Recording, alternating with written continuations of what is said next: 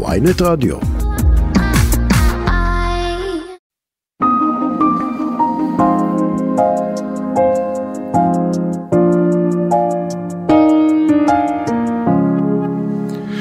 שלום לכם, אתם על כסף חדש, התוכנית הכלכלית היומית של ynet רדיו, אני רועי כץ, יאיר חסון, עורך את התוכנית, צליל שילה, אחי על הביצוע הטכני, לנו יש תוכנית עמוסה עמוסה, תכף נברר מה קורה במשרד האוצר, אחרי אזהרת סוכנות הדירוג מודי'ס, הייתה שם התייחסות מאוד מזלזלת של שר האוצר בצלאל סמוטריץ' ושל ראש הממשלה, אבל uh, אנחנו ננסה לברר האם באוצר מתקיימים דיונים במטרה למנוע הורדת דירוג אמיתית, לא תחזית. תחזית, כן? הורדת דירוג אפשרית אמיתית של מודי'ס וגם החלטות אה, קרובות של סוכניות הדירוג האחרות.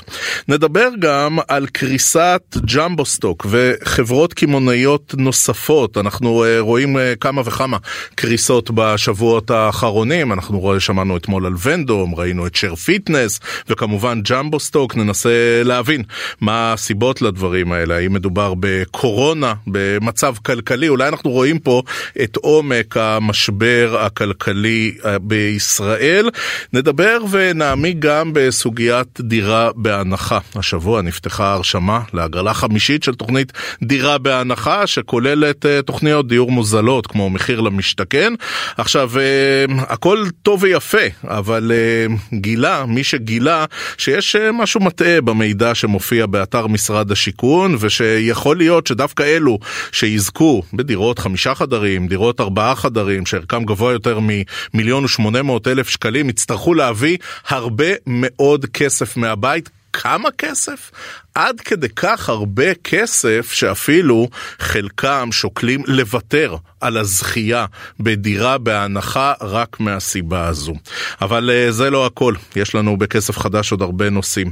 Uh, אתמול מתפרסם שהמדענית, הדוקטור קירה רדינסקי, היא מצטרפת לבנק הדיגיטלי החדש, הנוסף אש, זה שמאחוריו עומד יזם הנדל"ן, uh, יזם ההייטק ניר צוק, uh, והיא תעסוק שם בכל מה שקשור בבינה מלאכותית ושדרוג של מערך הפינטק במערכת הבנקאית, זה יאפשר לנו כאן בכסף חדש לדבר על אה, בינה מלאכותית, איך היא משתלם, משתלבת במערכת הבנקאית, כל הסוגיות האלה שבאמת הופכות בנק דיגיטלי לבנק דיגיטלי, ולא uh, סתם uh, בנק רגיל שבמקרה יש לו או אין לו סניפים. גם נדבר על מעקב כסף חדש. אנחנו uh, שמחים uh, לעשות את זה יחד עם uh, יאיר קראוס, הוא כתב ynet וידיעות אחרונות בגליל ובגולן. אנחנו ננסה להבין מה קורה עם מפעל להבים בנהריה. בחודש דצמבר כל המשק סער אחרי ש-900 עובדי מפעל טכנולוגיות להבים uh, קיבלו בעצם הודעה שהמפעל ייסגר עד 2025. זה באמת היה בכל הכותרות, אבל uh, כמו הרבה סיפורים כלכליים אחרים, הסיפור הזה קצת נעלם ואנחנו רוצים לעשות אחריו מעקב, זה גם חשוב, זה גם משמעותי עבור כל uh, תושבי הצפון, במיוחד באזור נהריה. וגם לקראת סוף השעה נדבר עם יובל מן, הוא עורך ערוץ הדיגיטל של ynet, על צילום ש... נוצר על ידי בינה מלאכותית וזכה בתחרות צילום מאוד מאוד יוקרתית של סוני. אה, רק אז גילו שהתמונה לא צולמה בכלל על ידי צלם אלא נוצרה באמצעות בינה מלאכותית, אבל זה כאמור לקראת סוף השעה. עכשיו אנחנו אומרים שלום וערב טוב לכתב, לפרשן הכלכלי של ynet וידיעות אחרונות, ערב טוב גד ליאור. ערב טוב. טוב, חלפו כמה ימים, גד, מאז אה, של סוכנות הדירוג מודי'ס. אה, אתה יודע, שר האוצר התייחס לזה בזלזול, ראש הממשלה התייחס לזה בזלזול, אבל מה קורה במשרד האוצר? במשרד האוצר יש איזה החלפת דיסקט? מתקיימים דיונים בניסיון אה, להתמודד עם האירוע הטקטוני הזה? לא מתקיים דיון בשום עניין, לא רק בעניין הזה. פשוט לא מתקיימים דיונים. איך זה יכול להיות? מצער, מצער לשמוע את זה, נכון? אין איזה דיונים מיוחדים, אין דברים. יש מכינים את התקציב לקריאה שלישית ב-29 במאי, כרגע יש יום השואה, אתמול הערב יום השואה, שבוע הבא יום הזיכרון, יום העצמאות. לא נראה לי שהם אה, בדיוק מתעסקים בעניינים האלה. לצערנו, אני אומר את זה חד וחלק, השר סמוטריץ' יום אחד הוא, אני לא אומר שזה לא חשוב, אבל יום אחד הוא נעדר מהמשרד בעוטף עזה. ויום אחד הוא במטה אשר בצפון מגבול הלבנון, לא ראיתי שהיו איזה שהם דיונים, רוב אנשי האוצר המקצועיים, ראשי האגפים לוקחים מאוד ברצינות את הדוח של חברת מודי'ס, שר האוצר לא, הוא גם אמר את זה, שהוא לא מודאג, זה לא משהו מיוחד, הוא אמר את זה אבל, אבל, אבל אם, אתה יודע, ראש הממשלה ונשיא המדינה נדרשו בעצמם אה, לחייג למודי'ס כדי לנסות ואתה יודע, לצמצם את הנזקים של האירוע הזה עוד בטרם אה, פורסמה התחזית הזאת, איך זה יכול להיות שבמשרד האוצר, הגורמים המקצועיים, השר האחראי, הם לא עוסקים בזה? הגורמים המקצועיים כן, אבל מה הם יכולים? הם לא מתווים מדיניות. להתוות מדיניות זה אומר... לעשות משהו, זאת אומרת, זה אומר לנסות למנוע את הנזק, ובזה יש רק גורם אחד שיכול לעשות. קוראים לו ראש הממשלה בנימין נתניהו, שצריך להודיע על ביטול הרפורמה המשפטית. נקים ועדה, נראה מה צריך, תבטל. כי גם החברה אומרת, הרי דחו בסך הכל. מה דחו? דחו פגרה. ואני מעריך, אני אומר את זה פה, השיחה הזו שומעים אותה והיא ודאי מוקלטת. והיא גם משודרת. ב-30 באפריל, ב-30 באפריל נפתח מושב הקיץ של הכנסת, ואני אומר לך שב-30 באפריל יתחילו כבר לדון בהמשך חקיקה. עוד לא יביאו לקריאה שלישית, אבל ידונו, הדיונים לא יתבטלו. ככה זה נראה, ככה ואז, זה נשמע, ככה זה מובטח. ואז התפרסמו התחזיות וההחלטות של חברות הדירוג הנוספות. נכון, הרי מודי'ס לא לבד. חברת Standard and Poor עומדת לפרסם דוח חמור לא פחות. לפחות ככה מבינים מגורמים שדיברו עם כלכלנים שלהם, אני לא דיברתי, הם גם לא מדברים עם עיתונאים. ואולי גם לשם יתקשרו נשיא המדינה וראש הממשלה, שזה כשלעצמו מבזה למדי. אני לא חושב שאיזשהו ראש מדינה מתקשר לחברת דירוג אשראי ומתחנן לא להוריד אשראי או לא להוריד תחזית. עכשיו, אה, באיזשהו מקום צריך, כשהם באים לפה, המשלחות האלה באות לפה לדבר איתם, להציג להם. אבל מה היה כשהמשלחת שלהם הייתה פה? לא הסכימו לוותר על ה... הרפורמה הזאת. הרי לא אמרו להם הרפורמה לא תהיה. ברגע שהם אמרו הרפורמה תהיה, רק אנחנו בודקים עכשיו איזה סעיפים אולי קצת אחרת, אז החברה הוציאה את הדוח כפי שהוציאה, ולפי שעה, ואתה, אני יודע שגם אתה לא יודע משהו אחר, גם אני לא, הרפורמה הזו עומדת להיות, להצטרף לספר החוקים של מדינת ישראל, אולי סעיף אחד פחות, אולי סעיף אחד יותר.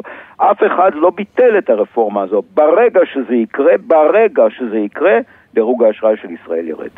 ביום אה, ראשון מסיימת את הכהונה שלה יושבת ראש רשות ניירות ערך ענת גואטה. אגב, גם היא התייחסה לסיכונים... סיימה, סיימה כבר, כן. סיימה. אה, כן. גם היא אה, התייחסה לסיכונים שנשקפים למשק על רקע המשך החקיקה. גד, אין לה מחליף, אין לה מחליפה. איך הדברים האלה עובדים? איך זה יכול להיות? תראה, כידוע לך, אני מניח שגם למאזינים, אני ארבעה עשורים הכתב הכלכלי שעוקב אחרי כלכלת ישראל, בוודאי אחרי בנק ישראל, אחרי משרד האוצר, אני לא זוכר מעולם, לא זוכר, ויש לי זיכרון טוב, שאיזשהו אגף במשרד האוצר היה ללא מנהל. לפחות ממלא מקום, קרה. ממלא מקום מנכ"ל, היה למצל, יש למשל אצל ליברמן בהתחלה, היה אצל השר כץ כשהמנכ"לית התפטרה, מיד מונה מחליף, אה, זמני אמנם תחילה, היה אצל, אה, אה, היה כאשר ראש אגף התקציבים מרידור התפטר, מיד יוגב גרדוס היה ממלא מקום, היה אותו מצב כאשר אחרים התפטרו שם והתפטרו, החשב הכללי מיד מונה ממלא מקום ומיד מונה חשב כללי חדש. אז אני, אני שואל, מה, מה, איך אפשר, תאר לך שבמקום שאתה משדר ממנו עכשיו אין מנהל, תאר לך שאין מי שיגיד לך או למישהו אחר אה, לבצע שידור היום, לא לבצע שום דבר. תאר לך שבסופרמרקט, ליד הבית שלך, אין מנהל לסופרמרקט. המוכרים כל אחד מחליט מה המחירים, נכון? הוא מחליט אם להזמין או לא להזמין חלב או סוכר. אבל אתה יודע, זו לא... אני לא מבין את העניין הזה, זו לא, לא מבין... הפעם הראשונה, לא גד... זו לא הפעם הראשונה, גד, שאנחנו מדברים על ההפקרות הזו ממש, ופעם אחרי פעם אתה תמיד היית אומר לי, נתניהו מבין כלכלה, ונתניהו מבין, מבין, כלכלה, מבין נכון, ניהול. אגב, אגב, איך הוא מרשה לא את ההפקרות הזאת? אני כרגע לא מאשים אותו, הוא לא שר האוצר, יש שר אה, אוצר. יש שר אוצר. אבל הוא קודקוד. מר נתניהו ראש הממשלה, ועם כל הכבוד וכל הביקורת שיש עליו, יש לו כמה וכמה דברים לטפל בהם, בענייני ביטחון, היום היה פיגוע בירושלים, דברים אחרים. הוא צריך לעסוק במינוי של אה, פקיד או פקיד בכיר במשרד האוצר, זה תפקידו של שר האוצר, כמו שאם מישהו פורש במשרד איכות הסביבה, אז זה תפקיד שר, השר לאיכות הסביבה ולא תפקידו של ראש הממשלה. נכון שהוא הראש, תאר לך שהוא יטפל גם בביוב של ראש העין. לכל גורם, לרשות מקומית, למשרד ממשלתי, למחלקות, יש מישהו שאחראי. כרגע יש מחלקה לא קטנה, חשובה מאוד מאוד במשרד האוצר, שפשוט אין לה מנהל, פשוט אין מנהל. מי אומר לעובדים מה לעשות הבוקר? מי אמר להם במה להתרכז? בסדר, יש דברים רוטיניים שעושים אותם כל יום, נכון? אבל יש דברים מיוחדים, יש, יש בעיה פתאום, נוצרת בעיה. עכשיו, מדובר בדבר חשוב, רשות ניירות ערך, תאר לך שיש איזו פרשה שם, בעיה, מי ייתן הוראה לחקור, כן. לברר, לזמן אנשים? טוב, מי? ולפעמים צריך להגיד גם את המובן מאליו, זו פשוט שערורייה. גד כן. ליאור, כתב, פרשן כלכלי, ynet ידיעות אחרונות, תודה רבה. תודה רבה. עכשיו אנחנו רוצים לדבר על אה, דבר שאנחנו אה, רואים אותו בשבועות האחרונים, קריסה של חברות קמעונאיות, רשתות קמעונאיות. האחרונה, נדמה לנו, היא קריסת אה, ג'מבו סטוק, אבל לא רק, אנחנו שומעים גם על ונדום וגם על שר פיטנס, ואנחנו מנסים להעמיק ולהבין את העניין הזה ממש עם הכתבת הכלכלית של ynet וידיעות אחרונות. ערב טוב, נבית זומר. ערב טוב. ברשותך, נבית, נתחיל עם אה, ג'מבו סטוק. מה קרה שם? תראה, כל, השל... כל השלוש רשתות שקרסו, זה לא דברים מהיום. זה היה די צפוי שברגע שהריבית תעלה והוצאות המימון אה, יקשו מאוד על עסקים ממונפים, שהעסקים היותר חלושים, והחולשה הזאת כבר נוצרה נגיד בתקופת הקורונה ולפני כן, אה, התרסקו, ואנחנו באמת רואים אה, סימנים. אבל זה לא רק מהריבית וזה לא מעכשיו. זה פשוט היה הקש ששבר את גב הגמל. אז מה שקרה בג'מבו, ג'מבו היא רשת סטוק לא גדולה, יש לה 16 סניפים. אה, הבעלים אה, לא בנמצא. הרשת אה, צברה חובות של מעריכים כ-20 מיליון שקל. היא לא הייתה ייחודית במובן הזה שהבעלים שלה לא היוו בעצמם.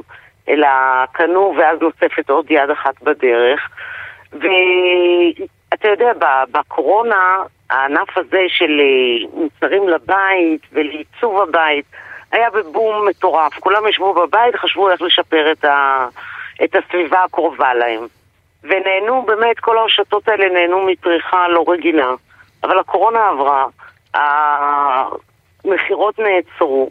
עכשיו, מי שיותר חזק, או מי שיודע להתארגן במהירות, ויש לו גב חזק כמו, אה, כמו רשת אה, מקס, או רשת אה, זולסטוק, או הסטוק, אז הם מתארגנים ועוברים את התקופות האלה.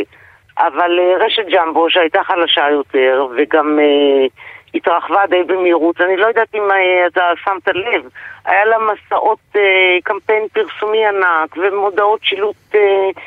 שילוט דרכים אה, יקרות נורא, ואתרים היא הקימה.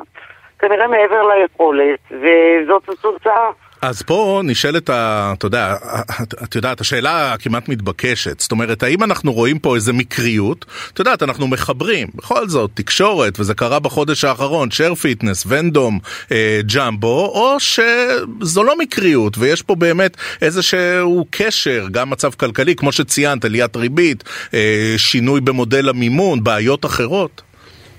הקשר הוא שעסקים אה, שהם יותר חלשים, כאשר מגיעה הרעה וההידרדרות במצב הכלכלי סך הכל הוא די מהיר, כי בקורונה כולם חוו בום אדיר, ואז היציאה מהקורונה ועוד היה, אתה יודע, אתה סוכן, ואז מגיע עליות הריבית והמצב הכלכלי והביטחוני והפוליטי שאתה יודע, מקטין את כוח או את הרצון לקנייה של אנשים, הם החלשים הראשונים שנופלים. עכשיו, אם נסתכל נגיד על שייר פיטנס, שר פיטנס נפגעה מאוד מאוד בקורונה. כבר סחבה על עצמה גיבנת, ויחד עם זה המשיכה בפיתוח מהיר מאוד של uh, העסקים שלה ופתיחת סניפים בהשקעות מאוד גדולות. וכשאתה ממונף ועוד מוס... על, על הכל נוסף uh, ריבית שקפצה באמת בצורה משמעותית, אז אתה מתרסק. דרך אגב, המשותף לכל השלו, השלושה הם גם ניהול. כן. גם הניהול היה, מסתבר, אה, חלש. מה לגבי ונדום? שאת יודעת, אולי זו רשת שאנחנו פחות מכירים, כי רק מעטים מאיתנו יכלו אה, לקנות את מוצרי היוקרה שמכרו שם. ונדום היא רשת שמדשדשת כבר המון זמן. תראה, לזכותם, הם היו חלוצים, ב... אני חושבת בשנות, בסוף שנות ה-80 העסק הזה הוקם, והיה חלוץ בלהביא מותגי יוקרה לישראל. ואז פתחו חנות בכיכר המדינה, ובאמת כל שועי הארץ אה, התייצבו. והם היו הראשונים שהביאו מותגים uh, כמו ארמני ומקס מרה וקרל לגרפלד, באמת שמות כאלה שעד אז לא היו פה. והם בנישה שלהם מאוד שגשגו.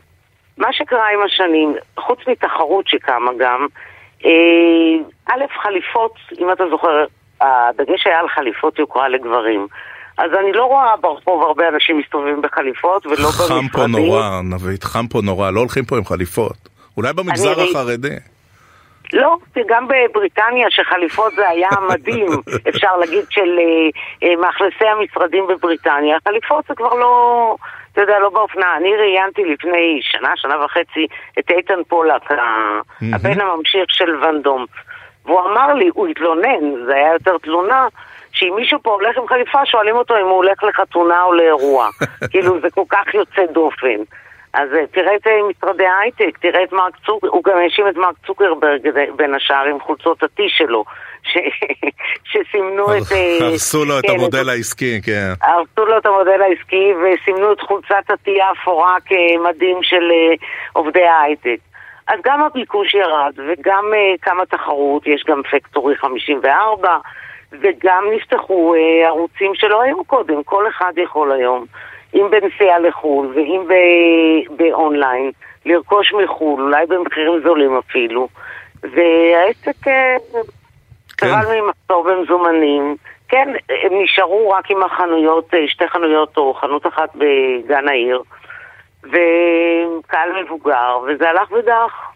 זה, זה הסיבה האמיתית. אז הנה, כמו שאמר מורנו ורבנו מאיר אריאל, מי שנדפק פעם אחת כבר לא יכול להיגמל מזה, וככה הם פוגשים גם את עליית הריבית וגם את האונליין וגם את ההתאוששות מהקורונה או את האין התאוששות. אה, נבית זומר, כתבת כלכלית, ynet ידיעות אחרונות, תודה רבה וערב טוב. תודה לך. אנחנו עוברים לנדל"ן. השבוע נפתחה הרשמה להגרלה חמישית של תוכנית דירה בהנחה, היא כוללת תוכניות דיור מוזלות כמו מחיר למשתכן, אבל אה, מסתבר שהמידע שמופיע באתר משרד השיכון לא בטוח שהוא כל כך מעודכן, וחלק מהזוכים יכולים ויגלו גם שכדי לקבל משכנתה, או-הו, הם יידרשו להביא מהבית הון עצמי הרבה יותר גבוה ממה שהם תכננו. אנחנו אומרים שלום, ערב טוב, לחבר הנהלת התאחדות יועצי המשכנתאות, שלום, שימי אדזיאשווילי. שלום, מה נשמע? טוב, תן לנו רגע להבין את העניין הזה, כי מדובר באמת בדירות היותר יקרות, נכון? אה, נכון, אה, במרכז הארץ נפתחו אה, בהגרלה ביום ראשון באמת מספר הגרלות, אחרי שכמה חודשים כבר חיכו וציפו, מרכז הארץ זה, זה האזורי ביקוש, זה המקום שאנשים באמת רוצים לקנות בו, ולפתע מגלים מחירים למטר מאוד מאוד מאוד גבוהים.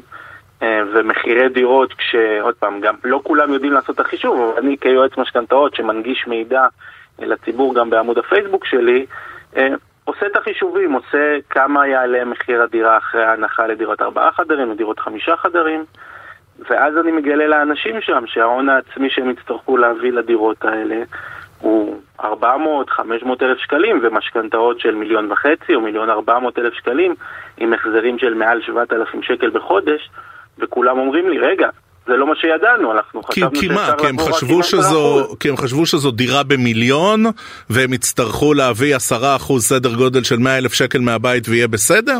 ופתאום הדירה היא מיליון 800 וזה נראה אחרת לגמרי, נגיד עם סדר גודל של 25% הון מהבית? אה, אז אני אחלק את התשובה לשתיים. אה, באתר מחיר למשתכן, בעצם באתר הרשמי של משרד השיכון, האתר שהוא אמור לגלות לנו מה שנקרא את הסודות, הוא אמור להנחות לנו את הדרך, כתוב שם, מגיעים עם הון עצמי של 100 אלף שקלים או 10 אחוז, הגבוה מביניהם. זאת אומרת, גם אם הדירה עולה מיליון שמונה מאות, אני חושב שאני בא עם 180 אלף שקל, והכל בסדר. אבל מה שהם לא מגלים לנו באתר של משרד השיכון, שנוהל בנק ישראל, שהוא הנוהל שקובע למשכנתאות, שקובע לבנקים מה לעשות, בנוהל, בנוהל של בנק ישראל כתוב שהדירות הן עד מחיר שמאות של 1.8, ואני אתן את זה בדוגמה מספרית, בדירה שעולה מיליון שמונה מאות, אני צריך לבוא עם 75 אחוז, אה, לא צריך לבוא, מקבל משכנתה של 75 אחוז אה, בעצם משכנתה, שזה מיליון 350. ואני צריך להגיע עם 450 אלף שקלים הון עצמי. זה קצת רחוק מ-180 אלף שקל שחשבתי, אה, ואת זה לא מגלים לזוכים לצערי. אז נגיד שתגובת מס... תגובת משרד השיכון כפי שביקשנו אותה, אז הם אומרים שאכן באחד המקומות המידע לא היה מעודכן, ובמקום אחר באתר המידע היה מעודכן. והם אומרים, העניין יטופל. אבל ההבדלים פה הם לא בדיוק הבדלים של, ולא שאנחנו מזלזלים בחמשת אלפים או עשרת אלפים שקל לכאן או לכאן, אבל ההבדלים פה הם הבדלים אדירים ברמה כזאת שבן אדם יכול להגיד, שמוע אני מוותר כי אני לא עומד בזה.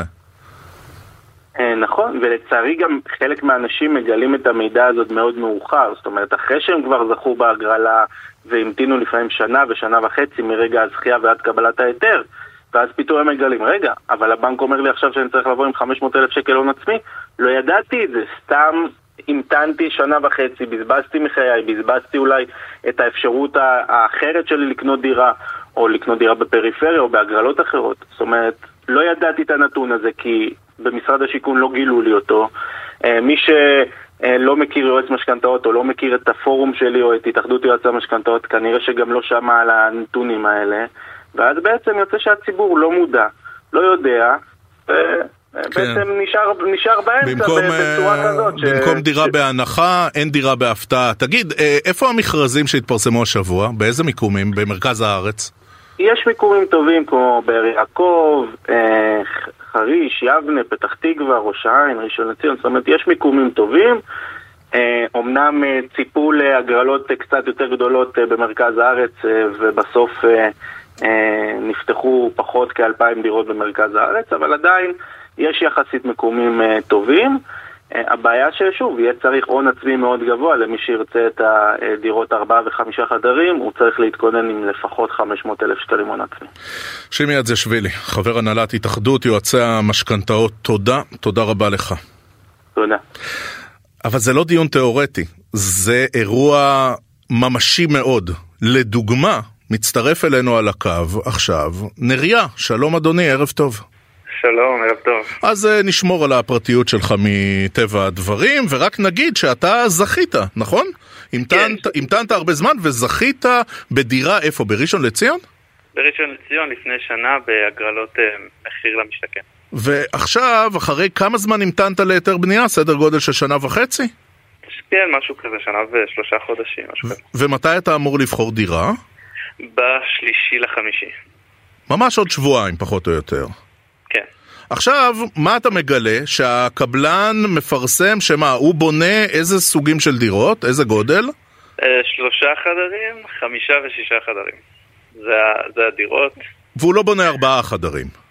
ארבעה חדרים אה, בכלל לא, כאילו לא קיים באף פרויקט שלו, ממה שהבנתי. אוקיי. אה, והרוב, בוא נגיד, הרוב המוחלט זה חמישה, שישה חדרים. אז מעט מאוד שלושה חדרים, הרבה מאוד חמישה ושישה חדרים, מה שאומר, מטבע הדברים, שהדירה שזכית בה תעלה המון המון, הרבה יותר ממה שחשבת, נכון? סדר גודל? כמה? סדר גודל של 2.2 מיליון לפני הצמדה לחמישה חדרים, 2.4 שישה חדרים, אה, והיה כאילו, מה שזה יוצר, זה יוצר מצב שהתנאי מימון של המחיר למשתכן לא תקפים על מחירים כאלה בכלל.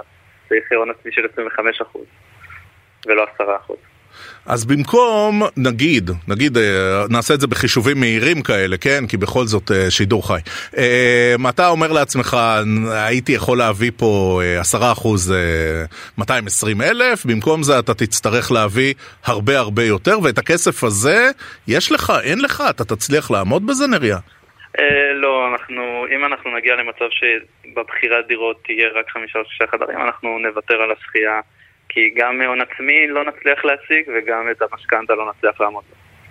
אחרי שהמתנת שנה וחצי להיתר בנייה, אחרי שזכית, ויש לך דירה בראשון לציון, שזה מיקום מצוין, אתה אומר, מצטער, אה, זה מעשה לא אחראי, אני מוותר על הזכייה שלי. כן, זה, זה מאוד מתסכל, בעיקר כי השיווק של, ה, של ההגרלות האלה היה כדירות לצעירים. אני בכלל לא, לא העליתי על דעתי שיהיו דירות כאלה ענקיות אה, בבחירה של ה, בבחירת הדירות. כאילו, זו אופציה שאפילו לא חשבתי שיכולה לקרות. תגיד, איך מסבירים את זה בבית? זה, זה נשמע לי כמו, כמו משבר מאוד קשה. אה, אתה נשוי, ילדים? אנחנו נשואים, עוד אין ילדים. אה, מאוד מבאס, צריך לחשוב אה, מה עושים. אמ, אבל כאילו, אנחנו לא נתאבד בשביל דירה, זה לא, זה לא מעשה אחראי. אה, נצטרך לחכות עוד קצת, אולי להירשם להגרלות אחרות, אולי פשוט לנסות לחסוך בעצמנו וללכת לדירה בשוק ה... בשוק הפרטי כשנצליח להגיע לסכומים כאלה. אבל מה תעשו? תגורו מחוץ לאזור המרכז? חוזרים אולי להורים? תמשיכו לסחור? זאת אומרת, מה תעשו? אה, אתה אומר אמירה מאוד משמעותית, אתה אומר אני לא מתאבד. כן, כי זה, זה התאבדות כלכלית, במיוחד בריבית של היום לקחת משכנתות בסדר גודל כזה, לקחת הלוואות כדי לסגור הון עצמי. אה, אני חושב שזה מעשה לא חכם, ואם כבר אני אה, בלייב, אז אני רוצה להגיד לכל מי ש... בדרך לבחור דירה במחיר למשתכן ובאופן כללי לעשות את הצעד החכם ולא לבחור אה, ולא להתאבד על זה. אנחנו כנראה נחזור יותר, אה, אנחנו כנראה נצא מהמרכז כדי באמת להצליח לחסוך כמו שצריך. אה, זה משהו שהוא, כאילו אין אופציה אחרת שהיא חכמה. נקרא לזה ככה. וממה שאתה שומע סביבך, הרבה זוכים אה, ינהגו כמוך, יגידו, חבר'ה, אנחנו מאוד מצטערים, אבל הממזרים שינו את החוקים, כמו שאומרת הקלישאה, ואנחנו לא יכולים לעמוד בתשלום הזה? אני אגיד לך אפילו יותר מזה, אנחנו זכינו במקום... אה, יחסית אה, עליון, עליון, וזה אומר שמראש כבר לא היה לנו הרבה סיכוי לדירה ב, עם אה, מחיר אה, סביר, אבל בשנה וחצי האחרונה התקדמנו לפחות עשרה מקומות בתור מאנשים שפרשו מראש כי הם כבר זכו, והם סיפרו לי, זכו בשלוש-ארבע הגרלות ותמיד הגיעו למקומות אחרונים, הם ידעו מראש שהם לא יצליחו להשיג דירה במחיר סביר. מסתבר שזה משהו שכבר כמה שנים קורה, שיש דירות ענקיות במחיר למשתכן, והם פשוט פורשים עוד לפני שהם ראו את המלאי של הדירות. נריה, ביקשתם אה, אולי שיבנו יותר שלושה חדרים, גם ארבעה חדרים, שזה תמיד נראה לי כמו הגודל הסטנדרטי. למה, למה בונים רק דירות גדולות? אני לא יודע למה בונים, יכול להיות שמשבר הדיור נגמר, אז אפשר אה, לקחת את אותו שטח בנייה ולהכניס פה פחות דירות. אה, אני, אני, ממה שהבנתי זה פשוט כמו כל דבר במדינה, זה הדרך להרוויח יותר מפחות מאמץ. אה, אגב, הבנייה הזאת של חמישה ושישה חדרים, זה גם גוזר את גודל הדירה, או שהם פשוט דוחפים יותר חדרים על אותו מטראז'? אה, לא, יש איזשהו הבדל קטן. אם דירה של שלושה חדרים היא 85 מטר, אז חמש-שישה חדרים זה כבר 110-120. אה, אז זה לא שמוסיפים סתם חדר, מוסיפים קצת, קצת אדמה כדי לקחת עליה עוד כסף. אז אני, אני לא מבין את הטעם בכלל, כי רוב, רוב הזוכים ורוב האלה שנרשמו הם זוגות צעירים, שארבעה חדרים זה לרוב מה שהם צריכים, זה להספיק להם לכל החיים אפילו. אה, עכשיו יש פה פער, יש פה פער גדול בין מה שפורסם במשרד השיכון ובין הנוהל של בנק ישראל, ועל הפער הזה בעצם אין דרך יפה להגיד את זה, אתה ואשתך נדפקתם. נכון, חד משמעית. אני, אני אפילו פניתי אה, לשר השיכון לשעבר, אה, זאב אלקין, mm-hmm. דיברתי, כאילו שלחתי הודעה, וניסיתי להבין מה, מה עומד מאחורי אה, גם פרסום מוטעה וגם למה בכלל לבנות דירות שישה חדרים. אז התשובה שקיבלתי היא תשובה מאוד אה, שטחית של יש קהל שזה אה, מופנה אליו. כאילו, יש קהל שנרשם לדירה למשתכן, מוכן להמתין שש שנים כדי לקבל דירה של שישה חדרים שעליה הוא צריך לשלם אה, כמעט כמו כל זוג שפונה לשוק הפרטי, פשוט הוא יקבל את הדירה עכשיו ולא עוד שש שנים. אני, אני חושב שזה זה קצת, אה, זה, זה קצת מופרך. זה נראה לי פשוט דרך ליצור לקבלנים עוד איזשהו אה, סיבה להיכנס לפרויקט הזה. ואתה אומר, אה, לזוכי כל ההגרלות האלה, שימו לב טוב, כי אתם אה, לא תצליחו לעמוד בהחזרים. לא, החזרי משכנתה בריבית של היום הם קיצוניים, בטח לא בריבית של מיליון שמונה מאות. אם יש לי אפילו את המינימום של ההון העצמי שאני צריך כדי לדירת שישה חדרים, אני אצטרך עדיין משכנתה של קרוב לשתי מיליון שקל. אה, שזה אה, החזר כספי של אה, כמעט שמונה וחצי, תשע אלף שקל בחודש, עם ריבית, עם ריבית. אנשים בונים על לקנות דירה ואפילו לא לגור בה, רק להשכיר אותה מהרגע שיש בנייה כדי לסגור את המשכנתה לפחות. אפילו זה כשיקול כלכלי כבר לא עומד היום. אפילו זה אה, יחזיר הפסד למי שקונה את זה. נריה, תודה רבה שעלית לשידור בכסף חדש. אה, זכית בדירה בראשון לציון, אבל אתה אומר, עם הטעות הזו של משרד השיכון ועם הנוהל הזה של בנק ישראל, אתם תוותרו על הדירה. נריה, תודה רבה לך. תודה רבה לך. אנחנו מזכירים לכם, אם אתם רוצים להאזין לנו בהאזנה מאוחרת לכל התוכניות, לכל הרעיונות, אתם עושים את זה במתחם הרדיו באתר ynet או בכל אפליקציות הפודקאסטים המובילות. אתם מחפשים כסף חדש בשורת החיפוש, יכולים להאזין לנו בכל מקום, בכל מכשיר, בכל זמן. אם אתם מאזינים לנו כפודקאסט, לא לשכוח לדרג אותנו, ללחוץ עוקב, על מנת לקבל עדכון לכל תוכנית חדשה שעולה. יסלח לנו אהוד בנאי, אמ, אנחנו, יש לנו הרבה הרבה נושאים, אנחנו חייבים להמשיך. אתמול מתפרסם שהמדענית, הדוקטור קירה רדינסקי, מצטרפת לבנק הדיגיטלי אש של ניר צוק שבהליכי ההקמה. אה, היא תהיה אחראית שם על אה, ניסיונות לשלב בינה מלאכותית במערכת הבנקאית ולהפוך בנקים לדיגיטליים באמת, ולא רק דיגיטליים על הנייר וכאלה שאין להם סניפים. אז אם, ובלי קשר לקירה רדינסקי, אנחנו רוצים להעמיק בכל מה שקשור לבינה מלאכותית במערכת הבנקאית, ואנחנו עושים את זה בעזרתה של מנהלת יחידת החדשנות. החדשנות בפיקוח על הבנקים בבנק ישראל. ערב טוב אילנית מדמוני. ערב טוב. אז אני אתחיל קצת בסיפה של הפתיח שלי, מה באמת הופך בנק לדיגיטלי? זאת אומרת, מה הופך בנק לכזה שהוא לא רק אה, בנק רגיל כמו שהכרנו, שיש לו אפליקציה, אלא הוא בנק דיגיטלי אמיתי? אה, בנק דיגיטלי, סליחה רגע, אה, בנק דיגיטלי זה לא רק בינה מלאכותית, דיגיטליות מורכבת מהמון דברים. אמ, אני חושבת שמה ש... איך שתופסים בנק דיגיטלי זה קיומם של סניפים או לא קיומם של סניפים, אבל גם הבנקים המסורתיים שלהם יש סניפים, יש להם המון פעילות דיגיטלית, אה, כשאני מדברת גם על אפליקציות, גם על אה, אה, שירותים של, אם נדבר על צ'טבוטים או מפגשים וירטואליים עם הבנקאים, במטאוורס אני עוד לא יודעת אם זה קיים. הבנקים עושים שימושים אה, בבינה מלאכותית כזאת או אחרת לכל מיני שימושים, אם זה לפרסונליזציה של השירותים, זאת אומרת התאמה אישית לצרכים שלך, לתת לך את השירותים שמותאמים לך. אה, לדוגמה, אם אתה במינוס, אז לא להציע לך חסכונות, אה, וכמובן בצורה הרבה יותר מתוחכמת ויותר חכמה ויותר מעמיקה.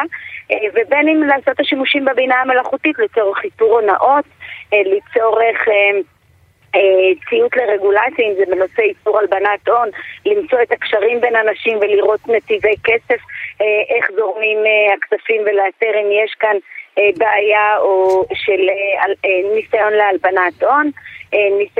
אבל, אבל אילנית, יש כן. משהו שאנחנו כלקוחות, זאת אומרת, אני מבין שזה ישרת את הבנקים ברמה השיווקית ובפרסונליזציה שלנו כלקוחות והיכולת שלהם לדחוף לנו עוד מוצרים, אבל יש משהו שאנחנו כלקוחות נרגיש הבדל, נגיד, אה, אנחנו בבנק דיגיטלי, אה, הם משתמשים ב-AI, וואו, יש פה מוצרים אחרים שלא היו לנו בבנקים המסורתיים שהכרנו לפני כן?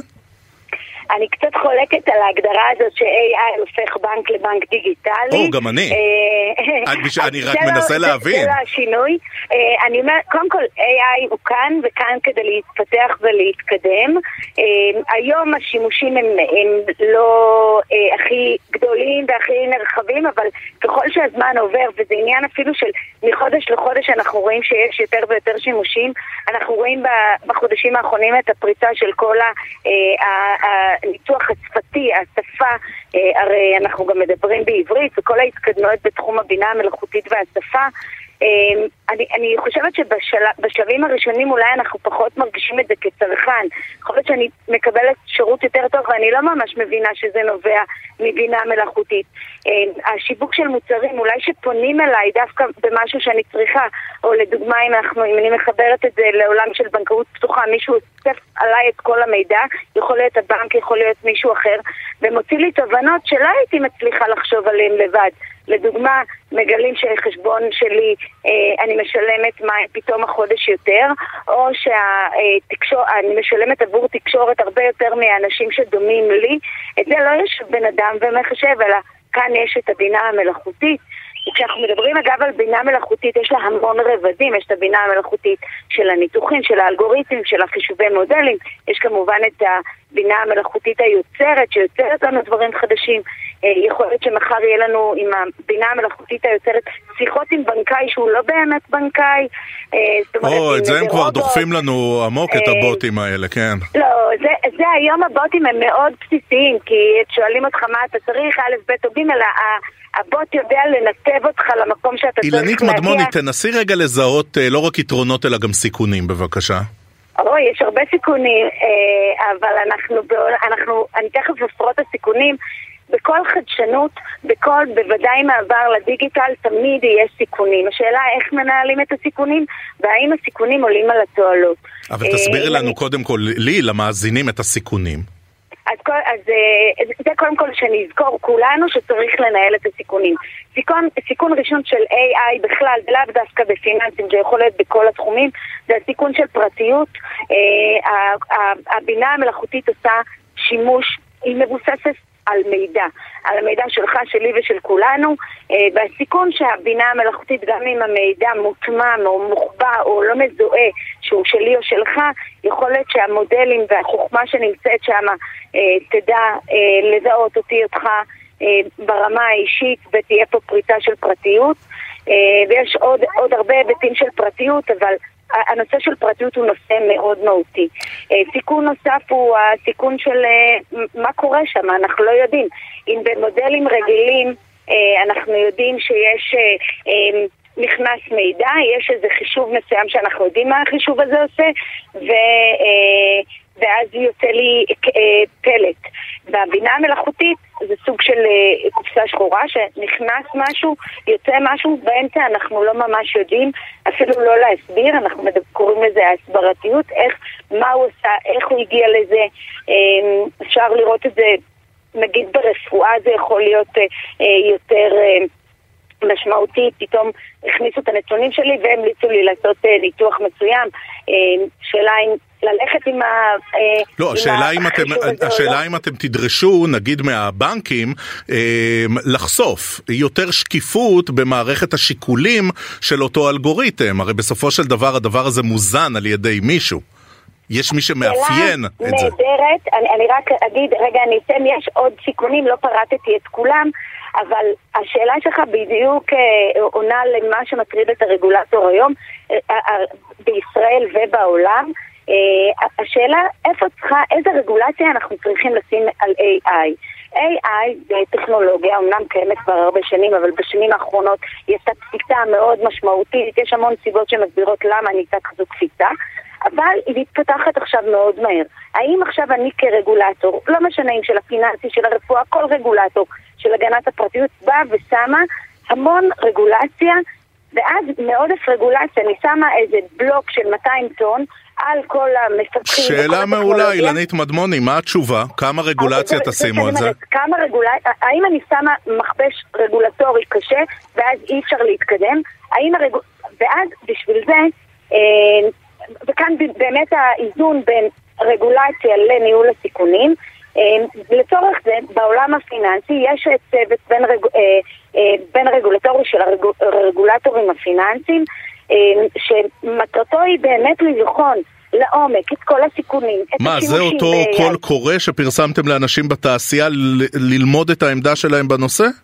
אה, לא רק ללמוד את העמדה בנושא, אנחנו צריכים להבין את השימושים, את הסיכונים, את התועלות, את ה, אה, איך אפשר להתמודד עם זה, איזה סוג רגולציה. אנחנו כמובן, הצוות עוקב אחרי מה שקורה אה, אצל רגולטורים אחרים בעולם. אה, אנחנו רוצים, כן. וזה חשוב לנו, ולכן פרסמנו את הקול הקורא.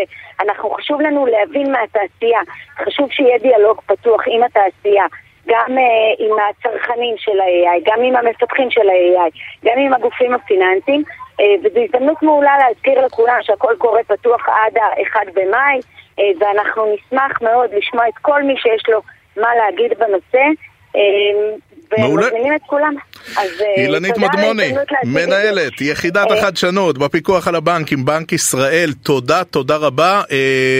הקשיבו לקול הקורא ותגיבו, ואנחנו מבטיחים גם לעקוב. אילנית, תודה. תודה רבה, ערב טוב. ואם במעקב עסקינן, אנחנו רוצים לדעת מה קורה עם מפעל להבים בנהריה. בחודש דצמבר האחרון, הכלכלה הישראלית, זה היה גם במחזור החדשות, הכלכלה סערה לאחר ש-900 עובדי המפעל קיבלו הודעה שעד שנת 2025 הם ייאלצו ללכת הביתה כי המפעל פשוט ייסגר. אנחנו רוצים לעקוב אחרי מה שקורה שם, ואנחנו עושים את זה בעזרתו של המומחה, כתב ynet, ידיעות אחרונות בגליל ובגולן, שלום יאיר קראוס. שלום רועי. אז איפה הדברים עומדים?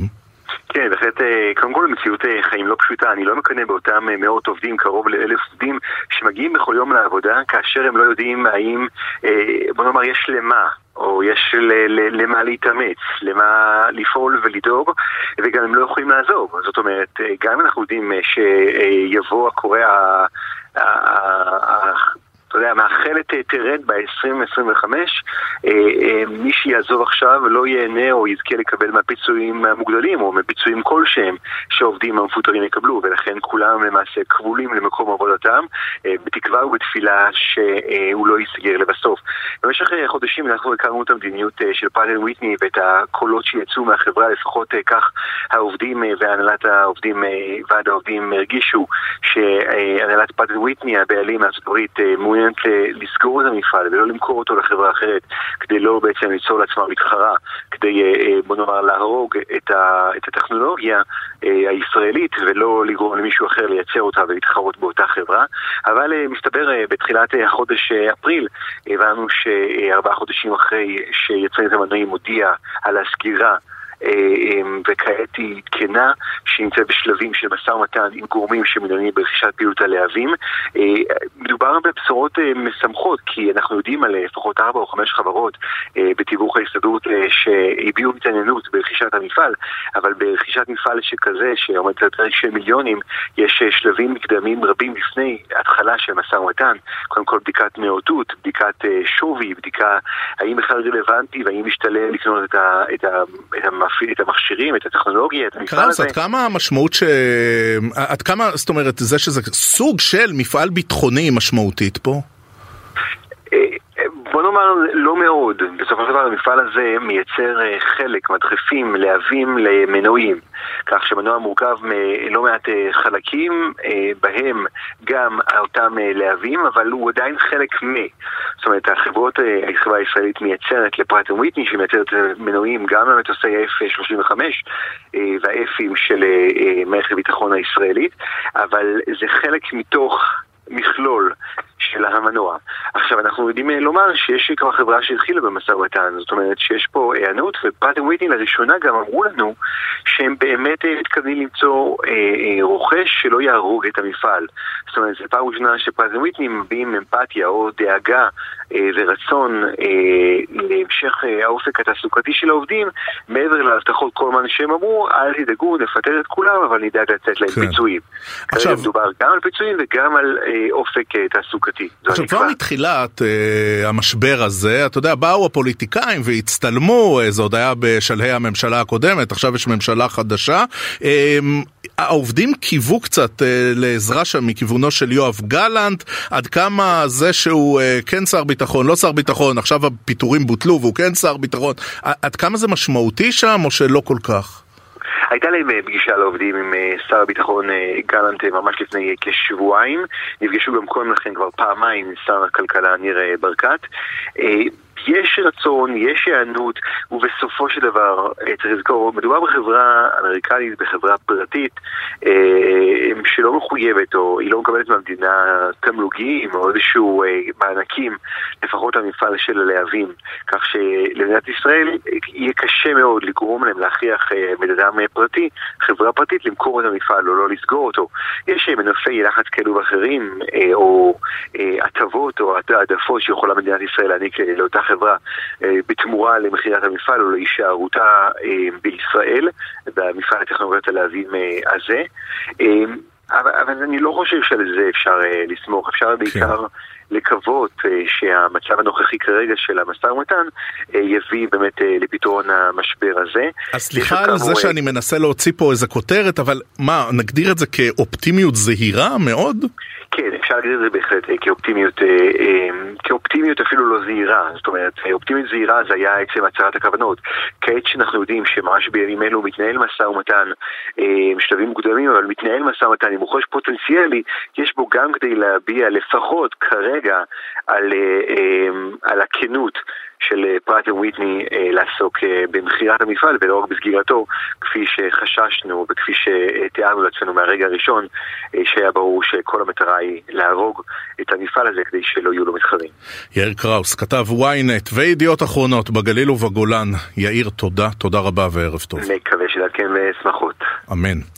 עכשיו אנחנו רוצים לדבר גם צילום, אבל בעיקר דיגיטל. דיברנו קודם על בינה מלאכותית בתחום הפיננסים, אז הנה, בינה מלאכותית בתחום האומנות. זוכה בתחרות צילום מאוד מאוד יוקרתית, זכה עם תמונה שנוצרה באמצעות AI. ו... הזוכה הודיע שהוא מוותר על הזכייה, כי התמונה בכלל לא צולמה על ידו, אלא נוצרה באמצעות מחל... מחולל תמונות. שלום, לעורך ערוץ הדיגיטל של ynet, שלום יובל מן. היי רועי, מה העניינים? טוב, טוב, אה, איך, איך זה קרה? זאת אומרת, אה, אנחנו רגילים לכל מיני תחרויות אה, צילום יוקרתיות, ומה? הוא בישל תמונה ושלח להם? כן, אז תראה, הבחור הזה, אמן גרמני בשם בוריס אלדאגסן, הוא סוג של עשה להם תרגיל. זאת אומרת, הוא שלח להם איזו תחרות שנקראת Sony World Photography Awards.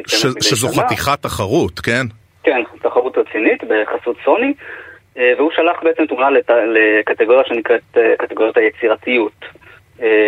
והוא אמר להם שמדובר בתמונה שהוא יצר בשיתוף עם בינה מלאכותית, אבל הוא כנראה לא, לא חשף שהתמונה נוצרה ממש על ידי מחולל תמונות, ומה שקרה שהוא באמת ניצח בתחרות, הגיע למקום הראשון, וכשזה נודע לו הוא הודיע שאני, שהוא מסרב בעצם לקבל את הפרס, שזה לא באמת צילום, והוא בעצם, הוא, מה שהוא אומר, הוא מנסה להעלות את המודעות לעניין הזה שבינה מלאכותית זה לא צילום, וצריך ליצור תחרויות נפרדות לתמונות שנוצרו באמצעות בינה מלאכותית. אז רגע, נשים רגע בצד את זה שהוא הוציא אותם באמת מטומטמים גמורים, כי הם לא הבחינו בזה שהתמונה בושלה על ידי בינה מלאכותית. איך זה עובד עכשיו? יש אסור ומותר? זו יותר שאלה של אתיקה? או שבעצם, כי הרי ברור שהיה פה איזה אקט קטן של רמאות. כן, תראה, אין, אין חוקים, זאת אומרת, אנחנו מתנהלים די בערפל בימים האלה, בהרבה, בהרבה תחומים שקשורים לבינה המלאכותית, זאת אומרת, יש את כל הסיפור של הזכויות יוצרים, שלא ברור למי שייכות זכויות היוצרים על התוצרים של... רגע, הם המארגנים של התחרות, הם טוענים שהוא הטעה אותם, נכון? זאת אומרת, הם, הם לא קיבלו את זה יפה כל כך. כן, נכון, הם, הם אומרים שהוא לא, לא היה כן לחלוטין לגבי ה, איך הוא יצר את התמונה.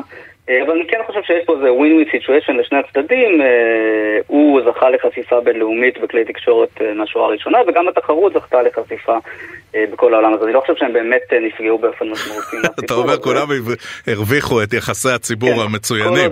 כל עוד יאייתו את השם שלך כמו שצריך, אז הרווחת, כמו שאומרים. כן. אבל הסיפור הוא באמת שהמחוללי תמונות האלה מהסוג של DALL-E 2 ו Midjourney ו Stable Diffusion הם באמת, הם, הם צצו בחיים שלנו לפני שנה, בעצם באפריל הושק DALL-E 2 שהיה בעצם מחולל תמונות הראשון הרציני והם נורא נורא טובים והם נורא נורא משתפרים מגרסה לגרסה ובאמת התמונה הזאת שאני מסתכל עליה כרגע תמונה בשחור לבן שנראית כאילו היא צולמה בשנות ה-40, רואים בה שתי נשים, אחת נשענת על השנייה ובמבט ראשון זה נראה אמיתי לגמרי, אבל אם אתה מסתכל קצת יותר מקרוב, אתה רואה שיש שם כמה עיוותים קטנים אה, שמסגירים את זה שזה לא, שזאת לא תמונה אמיתית. למשל, באיזה מקום השרוול משתלב עם הזרוע של האישה, כאילו זה מדובר ב, אה, בדבר אחד ולא שני דברים נפרדים. אה, האצבעות קצת מעוותות במקומות מסוימים, אבל זה באמת דברים שאתה רואה רק אם אתה מתמקד בפרטים הקטנים. וגם, וגם. נגיד שממחולל אחד למחולל אחר, העסק הזה מאוד מאוד משתפר. נכון, בדיוק. אז ש... בחודש שעבר יצא Midjourney 5, הגרסה החמישית של המחולל שנקרא Midjourney, והוא באמת הציג קפיצת מדרגה מאוד משמעותית, הוא גם מאוד ריאליסטי, והוא באמת הצליח לפתור בגדול את הנושא הזה של אצבעות, כי אצבעות זה משהו שמחוללי תמונות מאוד התקשו לעשות. בגלל שתחשוב על זה, רוב האיברים בגוף שלנו הם לא משתנים, אבל אצבעות יכולות, אפשר להניח אותם ולהזיז אותם בהרבה צורות. אה, ולמחוללי תמונות האלה קצת קשה להבין אה, באיזה צורה אנחנו יכולים ולא יכולים ככה לכופף את האצבעות שלנו. כן. אה, ובשביל לפתור את זה באמת היה צריך לאמן את המודלים האלה על הרבה הרבה תמונות של אצבעות, וזה די נפתר במידג'רני 5, ולכן היום מאוד קשה להבחין בין תמונה אמיתית לבין תמונה מזויפת. אז רק נגיד מדהים. שבאמת התמונה הזוכה היא לא, היא לא תמונת עיתונות, אבל אתה יודע, כשאנחנו מתעסקים כל כך הרבה עם פייק ניוז ועם כל מיני אלמנטים כאלה, אתה אומר לעצמך, טוב, כמה זמן עד שזה יגיע לתמונות שאמורות אה, לשקף איזושהי מציאות עיתונאית, אם מתוך הפגנות, מחאות, מלחמות. אז זה כבר, אז זה כבר קרה. אז תראה, בחודש שעבר שתי תמונות אה, שקיבלו הרבה תשומת לב, תמונה אחת של האפיפיור. אה, מישהו כן. שיצר באמת עם Midjourney תמונה של האפיפיור באיזה מעיל יוקרתי כזה, נפוח, מנופח. הכי bling bling של היפ-הופ, כן. כן, כן, והרבה אנשים חשבו שזה אמיתי, ורק בדיעבד הסתבר שזו תמונה שנוצרה על ידי AI, ותמונה אחרת של טראמפ בעצם נעצר, מישהו יצר סדרה של תמונות של טראמפ, אה, נעצר על ידי שוטרים בניו יורק ובורח, ובורח מהכלא, באמת סדרה מאוד מעניינת של תמונות, אה, שנראות כמעט ריאליסטיות לחלוטין, וזה גם מפוברק לחלוטין. אז אנחנו כבר רואים את הדברים האלה קורים, ואני מניח ש- שאנחנו נראה עוד ועוד דברים כאלה קורים בחודשים ובשנים הקרובות. יובל מן, עורך ערוץ הדיגיטל של ynet, תודה, תודה רבה, השכלנו. תודה, אנחנו מסכמים את כסף חדש ליום שלישי, מיד אחרינו דודו ארז, יואב רבינוביץ' עם סיכום היום, מחר יהיה איתכם דן רבן. תודה ליאיר חסון שערך, לצליל שילוח שהייתה על הביצוע הטכני, אני רועי כץ. המשך האזנה נעימה, ושיהיה לכם המון המון כסף חדש.